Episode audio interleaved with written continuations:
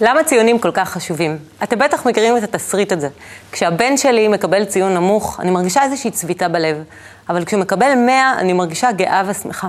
אבל יש לי איזושהי הרגשה שאין לי שום ברירה. היום נברר מה זה המצוינות הזו, ואם צריך את זה בכלל, ואם יש ברירה. תישארו אותנו מיד לאחר הפתיח.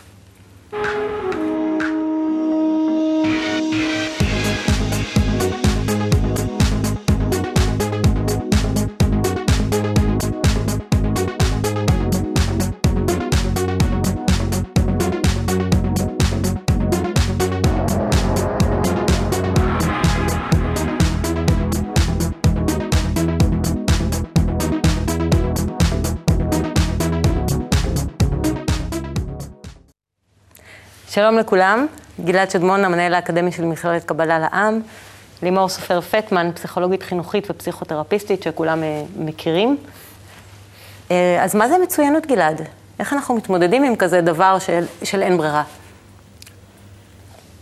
זה תוצאה, תוצאה של החברה שאנחנו חיים בה, יותר דיוק תוצאה של החברה שחיינו בה. היום כבר הגישה או היחס של הצעירים, של הילדים, של הנוער למצוינות משתנה. אה, ואנחנו חיינו בדור שציפו ממנו למצוינות, שנדרשה ממנו, שהיה איזשהו שכר בקצה המאמץ הזה, של להיות מצוין במשהו. בכל זאת, למה אתה מדבר על זה בלשון עבר? אה, כי היום אה, הפער הזה מצטמצם, היום האנשים מגלים שגם בלי להיות מצוינים באותם קריטריונים שהחברה קבעה להם, הם יכולים ליהנות מהחיים, הם יכולים להיות מאושרים, הם לא יגבעו ברעב, הם... אה, זאת אומרת, אם פעם היה איזשהו מעמדות או תפקידים או מקצועות שהם המקצועות שאת יודעת, שואלים את האימא היהודייה, מה שלום הילדים שלך, בני כמה הילדים שלך? אז היא אומרת, הרופאה בת שלוש והעורך דין בן חמש, אז uh, היום כבר זה לא, אין, אין שום ערך במשהו חיצוני. גם אלא... באלמנט ההישרדותי, לפי מה שאני שומעת. גם, ב, כן, אנשים מסתדרים מצוין, גם עם מקצועות לא כל כך מקובלים. מקסימום יגור אצל אמא ואבא אחרי הצבא. אה, יש גם, גם זו תופעה, אולי זה נושא לשיחה אחרת שלנו. אבל הדרישה הזאת למצוינות משתנה, מה עוד שברור שהקריטריון של מה זה, מה זה תענוג משתנה. זאת אומרת, הדור שלנו כבר מבין שמתוך זה שיהיה לי הרבה כסף, או שאני אהיה מפורסם, או שאני אהיה אה, בעל מקצוע במשהו מיוחד שאין לאף אחד, אה, מזה אני לא בהכרח אהיה מאושר יותר. יכול להיות שאני הרבה יותר מאושר אם אני אעשה את המינימום כדי לשרוד, וביתר הזמן אני אמצא איזשהו אה, תענוג אחר לחיים שלי. אבל עדיין המערכת מאוד מצפה. המערכת מצפה, אבל uh, בפועל uh, אנחנו רואים שהנוער והילדים כבר לא, לא נענים כל כך למערכת הזאת. הם כבר uh, ברגליים מצביעים אחרת. או, ש, או שנענים, אבל הם לא נהנים.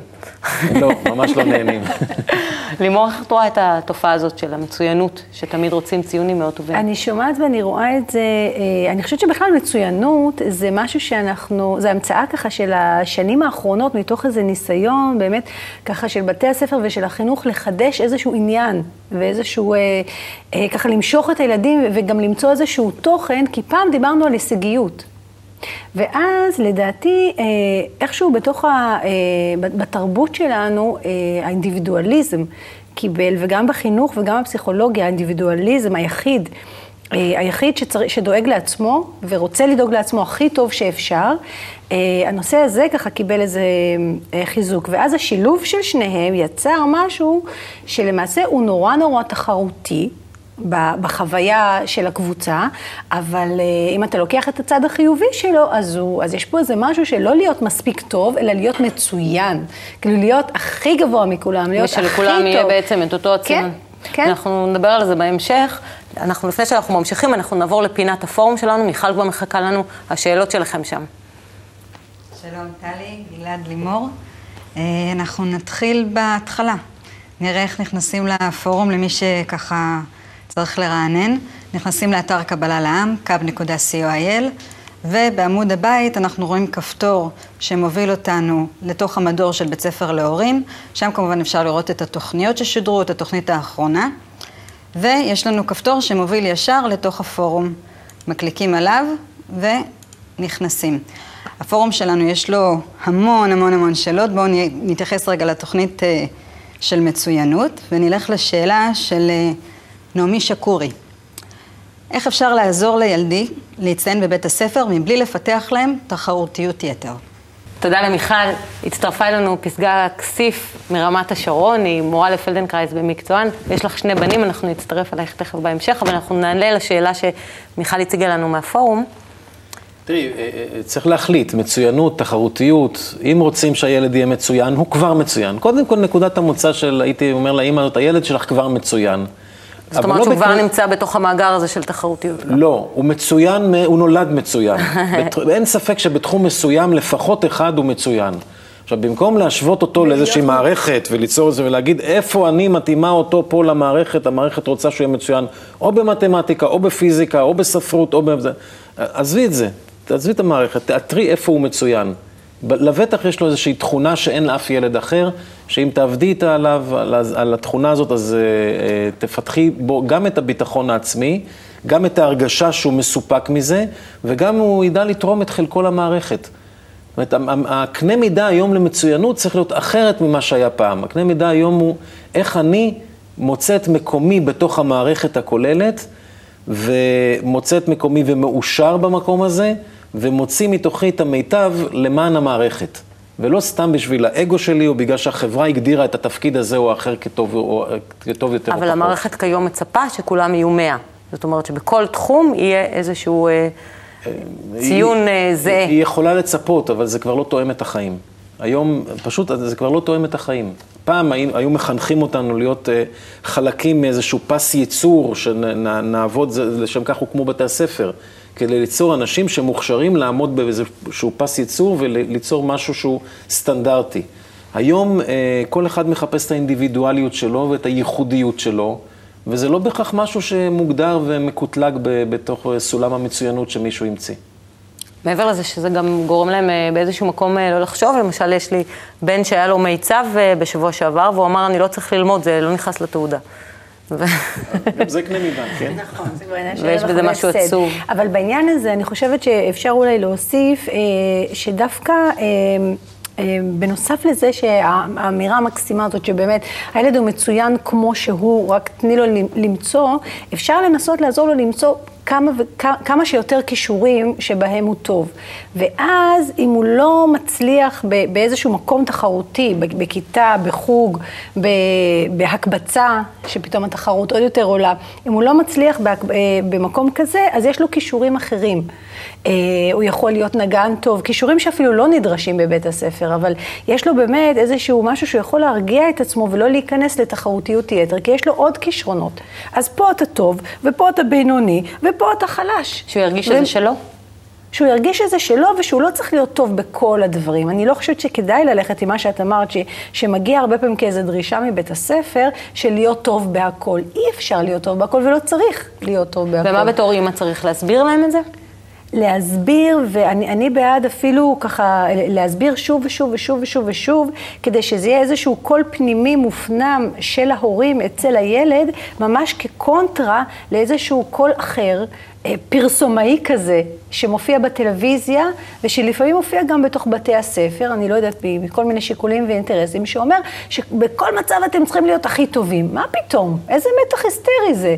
כאילו, למה אני צריך להיות טוב בכל? אנחנו גם סובלים ממתח כל הזמן. זה ברור. פסגה, יש לך אה, שני בנים, אחד בן 17, אה, אחד בן 15. איפה את רואה את המצוינות הזאת בבית שלך? אה, אז קודם כל, אני ככה שומעת מה שאת אומרת, ואני מרגישה, אני חווה מהשטח שהרצון למצוינות הוא כן קיים, והוא קיים בשטח. אצל הילדים את מתכוונת? מהמערכת. במערכת. זה מה שאני קולטת, ואני ככה עם הבן הצעיר שלי, שהוא עוד מעט בן 15, אה, עכשיו הוא בסוף החטיבה, ואין לו חשק ללכת לבית ספר, אין לו חשק ללמוד, הציונים שלו ירדו. והוא תמיד היה ככה? די חדש אצלנו ככה, בזה, פתאום קוראים לי בבית ספר, מה קורה לציונים שלו, מה זה, ואני חווה את זה שוב כלחץ מבית הספר. התחלתי ללכת להיפגש עם המורה הזה, עם המורה הזה, ועכשיו... וזה חדש לך, אני מבינה. כן, הוא ככה גם, אה, בסך הכל, אה, יש לו גם אח שהוא ממש אה, מוצלח, וכשהוא היה צעיר יותר, הבן הזה, שמו יובל. הוא רצה להיות כמו אח שלו, להיות גם כן אה, מוצלח. היה איזה מבדק של מחוננים והוא לא, לא הצליח בו אחרי שנה, שנתיים, הוא אמר, אמא, אני רוצה לעשות את הבחינה הזאת שוב, מיוזמתו. והוא הצליח. הצליח? אז... אז זה היה פעם, לפני כמה שנים. היה לו סטנדרטים אחרים כשהוא יותר צעיר. במסגרת הזאת, פעם בשבוע יוצא לקבוצה של המחוננים, אבל זהו, עכשיו כבר אין לו חשק ללמוד, זה מלחמות, ללכת לבית ספר, אני כן רוצה, אני לא רוצה. בעבר הייתי ככה מרשה, הייתי מפרגנת, בסדר, מה יש, גם לי לא תמיד בא להיות כמו שעון בחיים האלה. היום אני מתלבטת מה, מה התפקיד שלי, גם כלפי המערכת שדורשת ואיך אני, עד עכשיו בתור עיקרון הייתי תומכת במורים וכלפי הילד לפחות נותנת להם גב. היום אני ככה מתלבטת, באמת, לפעמים יש לי הרגשה מה באמת הוא מרוויח שם, מה, מה הוא עושה שם, מה הוא מקבל משם. ביום יום הוא, הוא מעבר לבית ספר, הוא מנגן אה, בגיטרה, הוא רוצה ללכת לשיעורי פיתוח קול, הוא עושה דברים, הוא, הוא, הוא לא... אז זה בדיוק מה שאמרת לפני בעצם. מיצה. אז אני ככה מתלבטת, וגם אני שואלת את עצמי, האם זה בא ממני? האם זה... אם שאלתי מקודם אם זה בא מהמערכת, ואני צריכה כאן לבדוק עם מה, מה היחסים שלי מול המערכת ואיתו, את המשולש הזה, אז אני גם שואלת על עצמי, האם בגלל שאני בעצמי הישגית, שאני בעצמי חשוב לי התואר, התארים שלי וה, וההישגים הלימודיים שלי, הסבתא שלי לדוגמה באה מתימן, שם לא... לא לימדו אותה קרוא וכתוב. טוב, את רוצה להבין בעצם אם, אם, אם זה בשבילה הוא, זה הוא בי, לומד זה או בי בשבילה. והשורשים שלי, שאני רוצה, אני רוצה את ההישגים הלימודיים. אז, או אז אני ללכת איתו. אומרת, להניח לו, לא להניח לו, כן. וכמו שגלעד אמר, אתה באמת לתת לו למצוא את מקומו. וזה אז מה את אומרת, לימור? התלבטות שלי. זה כמו האמביציה שהלכה לאיבוד כזה, נכון? כאילו הייתה אמביציה, אצלו. והיו הישגים, ו- והיה איזה פסגה שהוא רצה להגיע והוא הגיע, נכון? ומבחינתו, זהו, נגמר, שאני חושבת שאנחנו רואים את זה הרבה, אני, אני פוגשת את זה המון. עכשיו, רק שנייה, יש משהו ב- בהתבגרות שהוא כן מזמין את זה. שהוא, אם אנחנו בתוך ההתבגרות, כאילו בעצם גומרים להיות ילדים, עוברים להיות איזה מבוגרים צעירים, אנחנו לא באמת יודעים איך להיות מבוגרים, אז אנחנו מתרגלים, אנחנו עושים בכאילו. אז אנחנו עושים בכאילו בזה שאנחנו נאבקים ולומדים, אוקיי, אני יכול להיאבק, ואנחנו גם עוזבים את הכל ואומרים, אוקיי, מה יקרה אם אני לא אעשה כלום? ואז המערכת מתחילה להתרגש וההורים מתחילים להתרגש, וזה באמת בעיה. זה גם אני יכול לא, לא להיות... הבנתי את הקטע של ההתבגרות, כי אם הוא בקטע של של. התבגרות, אז הוא צריך לנסות. לקחת על עצמו את האחריות ולקחת על עצמו את ה... מה פתאום, זה בסוף. בדרך את התבגרות, מנסה את כל. המצבים. זה התבגרות, זה תהליך. כאילו, בסוף הוא ייקח. מה, היה- מה תעברו כולכם בדרך, כולל אתם, זה, זה תהליך של התנסות. תראה, אבל יש פה, יש פה גם עניין של, צריך להבין את החוקים שאנחנו עובדים. החוקים החברתיים הם מאוד ברורים. ילד או נער מתבגר מושפע מהסביבה שלו. הסביבה שבה יש ערכים מסוימים, אלה יהיו הערכים שלו. חלק מהסביבה וחלק מכריע זה אימא ואבא, והאמת שככל שהילד מתבגר, כך הוא יותר שם בצד את ההשפעות של אימא ואבא, ויותר הילדים האחרים שהוא מסתובב איתם. אה, יכול להיות שעד אותו גיל הוא באמת הושפע מהלחץ שלך, מהרצון שלך להיות מצוינת ולהצטיין, והוא מרגיש את זה ממך. גם אם לא תגידי לו את זה במילים, הוא מרגיש את זה, הוא מרגיש, אולי כשאת מספרת על התואר שלך באיזושהי גאווה, אז הוא מרגיש את זה ואומר, גם אני רוצה. אבל גיל ההתבגרות זה גיל שבו דווקא מסתכלים על ההורים ואומרים, אני לא רוצה להיות כמוהם, אני רוצה להשתחרר מהם, אני רוצה להיות כמו החבר'ה. ואז צריך לראות עם מי הוא מסתובב, ו- ו- ויכול להיות ששם אה, באמת אה, הערכים הם שונים לחלוטין. בכל זאת, איך ההורה יכול להתמודד עם כזה דבר? למה להתמודד? כי זה קשה. קשה מה? כי זה יוצר איזה סוג של אה, חוסר איזון, חוסר הוא צריך להתקבל פער לתיכון, בינו. ובתיכון יש מגמות, והוא לא, עם הציונים שיש לו כרגע, לא בטוח שהוא יתקבל למגמות האלה והאלה, ואח שלו כבר במגמה כזאת, של מצוינות, של הכל. אז אולי כדאי כל לדבר איתו, התחרותיות הזאת היא קיימת, זה מה שאני לדבר איתו אומרת. ולשאול אותו, מה יעשה אותו מאושר? שיחשוב ביחד, יחד איתך, ויחשוב מה יעשה אותך מאושר עכשיו, ומה, מה, איך אתה רואה את עצמך, נאמר, אה, מסיים את התיכון, בעוד, אה, או בעוד שלוש שנים מהיום. לדבר איתו, לשוחח איתו, ולתת לו להבין מה הוא רוצה באמת. אבל זה בתנאי שאת מוכנה להסכים. כי יכול להיות שהוא יגיד, אמא, אני, זה החיים שלי, זה הזמן הכי טוב שלי בחיים, ואני רוצה עכשיו לנגן, ואני רוצה ליהנות, ואת הלימודים אני לא רוצה, עכשיו זה לא הכי חשוב לי. ואת, אם את מסכימה, האם את תסכימי לדבר הזה? אז זה כבר, זה ההתבגרות שלי, אתה אומר. אולי אפשר להוסיף לזה, מה יעשה אותך מאושר ואיפה אתה יכול לקבל את זה. לעומת, מה, מה אתה רוצה גם שיהיה בשלב הבא בחיים שלך, ואיך אתה יכול להכין לשלב הבא כרגע את ההישגים שלך או לא. מה יקרה אם לא תשיג עכשיו הישגים? מה זה אומר עוד חמש-שש שנים כשתצטרך להשלים בגרויות, לעשות מה שצריך? אולי עד אז תשתנה השיטה, לא יודעת. אבל יש פה באמת שני ערכים של מאושר, הוא מאוד יאהב את השיחה, ובעצם את רוצה גם ללמד אותו מחויבות והכנה. יכול להיות שזה, את תרגישי גם יותר טוב מזה, כי תביני שבכל זאת הוא אחראי והוא עושה את זה בצורה מודעת. ויכול להיות שאם תעזרו לו ללמוד לשיר, פיתוח קול, השקעות בתחום הזה וכולי, הוא יהיה מוכן, למרות שהוא לא ירצה והוא לא ייהנה כל כך, אבל הוא יהיה מוכן בכל זאת לעשות דברים של מחויבות. כי כרגע את לא יכולה להציע לו יותר מדי הנאה בתוך בית הספר, לצערי. אבל אני מרגישה שיש לי בכל זאת תפקיד. אני בכל זאת תפקיד. התפקיד שלי זה לכוון אותו ולהגיד לו, תראה, אני יודעת שכרגע זה מה שנוח לך ונעים לך וזה בסדר. שאתה שר ושאתה עושה ושאתה... אבל אם אני לא אראה לו, תשמע, מעבר לפינה, בכל זאת הציונים חשובים. מעבר לפינה, בכל זאת אם יש לך אה, XYZ, אתה, אתה מרוויח ואתה... נכון, שוב, זה איפה, איפה של להיות מבוגר? הבלנס הזה בין... אני רוצה לשאול אותך, כשאת היית נערה או כשמתבגרת וכשעשית את התארים שלך, זה היה לך קל? אה, לא יודעת, אני עשיתי את זה מהדרייב הפנימי שלי, אני חושבת. אבל זה היה קל לעמוד מול הפיתויים לא, ומול ה... לא. בטח גם את רצית ללכת למקומות, לא? לא היה קל. לא. למה, לא, למה שלא תספרי לו על זה? שלא היה קל. כן? מה את עשית? מה, מה הרווחת מהמאמצים שלך? ומה, אם זה מה שאת רוצה, ת, תספרי לו מה זה לעבור תהליך. כי הוא עובר תהליך שכנראה לא שונה בהרבה מהתהליך שאת עברת. רק הרבה יותר מוקדם כנראה. רק אצלו אין את הסבתא שהייתה אנאלפביתית ובגלל זה הוא רוצה להוכיח שהוא, כי יש לו, אימא שיש לה, השיגה את הכל, אין לו את הדרייב הזה שלך, אבל תשתפי אותו במה שהביא אותך לאותו מצב. אנחנו נראה עכשיו מהזווית של הילדים, אם אנחנו מדברים על המבוגרים, קודם כל נראה מה הילדים יש להם להגיד על הדבר הזה.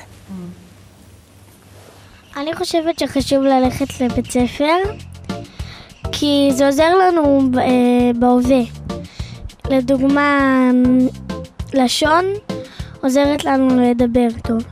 חשבון עוזרת לנו בקניות. אני חושב שצריך ללכת לבית ספר כדי שנדע דברים ונצליח בחיים. לדעתי, בית ספר מחשיב להצלחה ש... שתלמידים הם, מצטיינים, ולא מפריעים, לא מתחצפים למורה, ובהפסקות הם מתנהגים טוב. שתלמידים אה, מקבלים אה, מאיות במבחנים ובתעודה. שהתלמידים שלמדו בבית ספר, שהם יהיו חטיבה טובה, ושהם גם יהיו בתיכון, ושהם יהיו להם בגרויות טובות, ושגם יהיה להם תארים באוניברסיטה טובים. בעיניי הצלחה זה שהם אני מקבלת uh, תעודות טובות, ושאני מצליחה במבחנים. מה שנחשב לדעתי בהצלחה בבית ספר זה שאני מקבל הרבה מאיות ומקבל uh, בתעודה ציונים טובים. ההצלחה נחשבת בעיניי שיהיו חברים טובים ושיהיה מקצוע טוב וש... נהיה מאושרים ויהיה לנו כיף בחיים. וואו, האמת שצרם לי שזה לא הגיע מהלב. זה היה מאוד רובוטי, התשובות שלהם. כן, אבל הם הפנימו. מצד שני, באמת כשאתה ילד, אתה קצת יותר מקבל את, ה, אה, את המסרים שנותנים לך, ואז בהתבגרות אתה מתחיל לתרגל אותם. ואז מגיע הדחף הזה באמת לעשות מה שאתה רוצה, ומה שיוצא ממך, ומה שמתפתח ממך. ואם אפשר להבין את הדחף הזה, וליד זה גם ללמד אה, מחויבות וסדר וכולי, ככה כמו שגלעד הציע, אם, אם תעשי איתו איזה תהליך של בירור, שאת מקבלת את כל החלקים, וגם הוא יכול לראות את כל החלקים, אבל זה לא בית ספר נגדך נגדו. אין פה משולש של נגד, אלא יש פה עניין של מה באמת הוא רוצה בסך הכל, לא רק בטווח הקרוב, גם בטווח הארוך. יש, יש פה עוד נקודה אולי שכדאי לציין, אה, אה, זה גם חלק מחוקי החיים שלנו. אנחנו יצורים חברתיים. זאת אומרת, כל אחד מאיתנו ב, ב, ב, כבוגר, גם כנער, נותן איזשהו סוג של שירות לסביבה. ההתבגרות שלנו משמעותה שאנחנו לוקחים יותר ויותר אחריות על סוג השירות. אז אחד מוצא את, ה, את התפקיד שלו בתור, לא יודע, רופא, והשני בתור מזכיר או מזכירה, והשלישי בתור אה, אה, עקרת בית או עקר בית או מה שלא יהיה. אה, ולשאול את היד, איפה אתה רואה את עצמך בתוך המערכת הזאת, איזה, איזה שירות אתה רוצה לתת לחברה ומה יעשה אותך מאושר בתור, בתוך המצב הזה. כאילו להראות לו את זה ממקום קצת יותר גבוה, זה לא רק אתה עכשיו קיים בעולם, אלא אתה קיים כחלק ממערכת. ואתה חייב, תרצה או לא, אתה תיתן איזשהו שירות למערכת. איפה אתה ממקם את עצמך? אני לי יש הרגשה שיש פער כזה בין לדבר גבוהה, ככה שאנחנו מדברים כאן, וזה נורא נחמד, אה, אה, לבין מה שקורה תכלס בשטח, בבוקר, הוא לא רוצה לקום, לא רוצה לצאת מהמיטה. אה, לא חשוב באיזה אמתלה כזו או אחרת. ואני מרגישה שכל העול רובץ על הכתפיים שלי, ואיך אמרת, הסבתא האנאלפביתית שלי, שלא יודע, גם על הכתפיים שלי. אני לא רוצה, סבתא שלי נקטעה בתים כל החיים שלה, כי לא הייתה לה ברירה אחרת. Mm-hmm. אני רוצה שתהיה לו זכות בחירה, שיהיה לו אפשרות בחירה, כן? באותו רגע, אני לא יודעת אם זה במודע שלי או לא, אבל אני ככה מרגישה גם את האחריות שלי. אני הורה, אני צריכה להוציא אותו מהמיטה, אני צריכה... אז מה עושים? זה עדיין ש... שם, אם אני כן נכנסתי לו למלחמה או לא נכנסתי לו למלחמה. לא מלחמה, אבל תקשורת. עונשים לא עונשים. אתם לא נמצאים עדיין בתקשורת.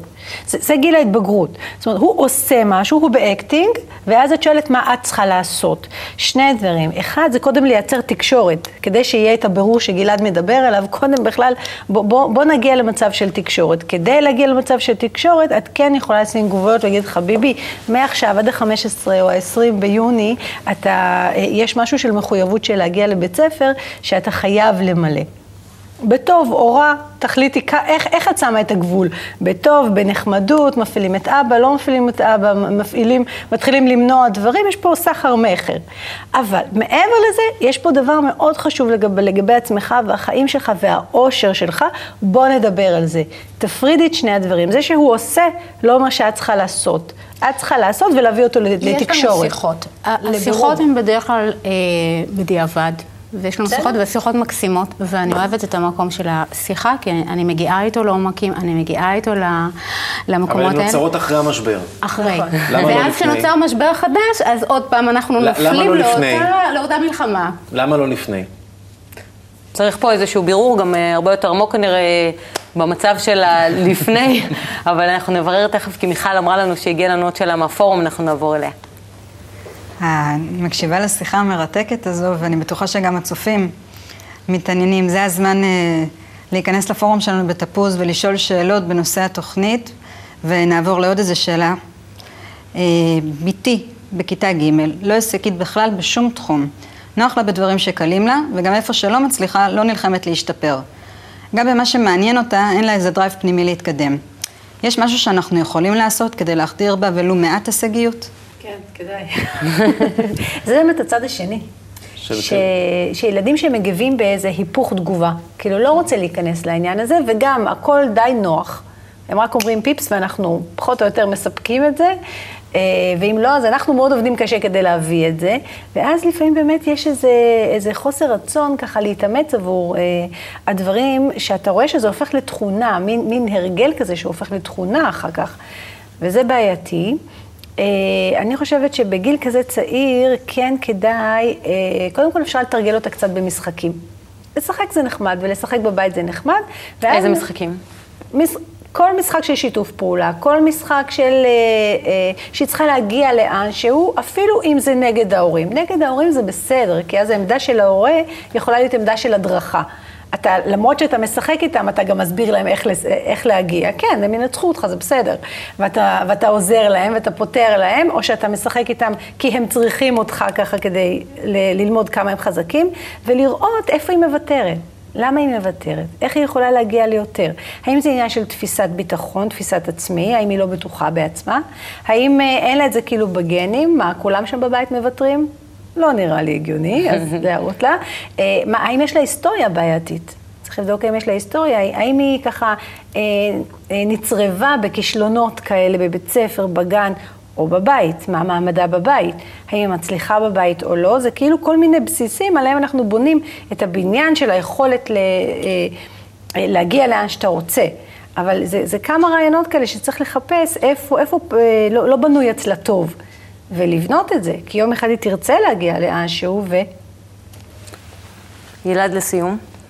אני חושב שצריך לבחון מחדש את, נושא הזה, את הנושא הזה של מצוינות, ולראות שהמצוינות שלנו זה היכולת שלנו למצוא את מקומנו בחברה, למצוא את מקומנו, את, את המקום המאושר שלנו בחברה, ולהיות שם, אה, לעשות את המקסימום שאנחנו יכולים למען הזולת, כי במילא אנחנו עושים את זה. מה זאת אומרת?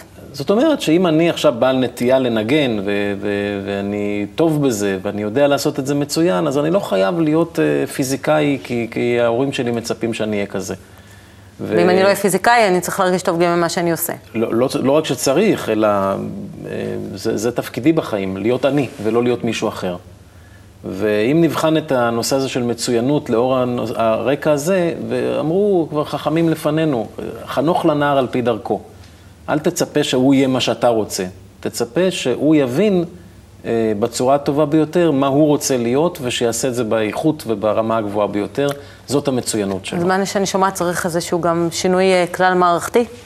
מה שה... תמיד מגיעים לזה, חינוך להורים ולמערכת לפני הילד. מה ששיטת הוא... הקבלה מנסה גם להציע לפי אה, כל הדברים שאנחנו שומעים. נכון. אז תודה רבה גלעד, תודה רבה פסגה ולימור. ניפגש בתוכניות הבאות, הזמן שלנו נגמר, תהיו איתנו. ביי.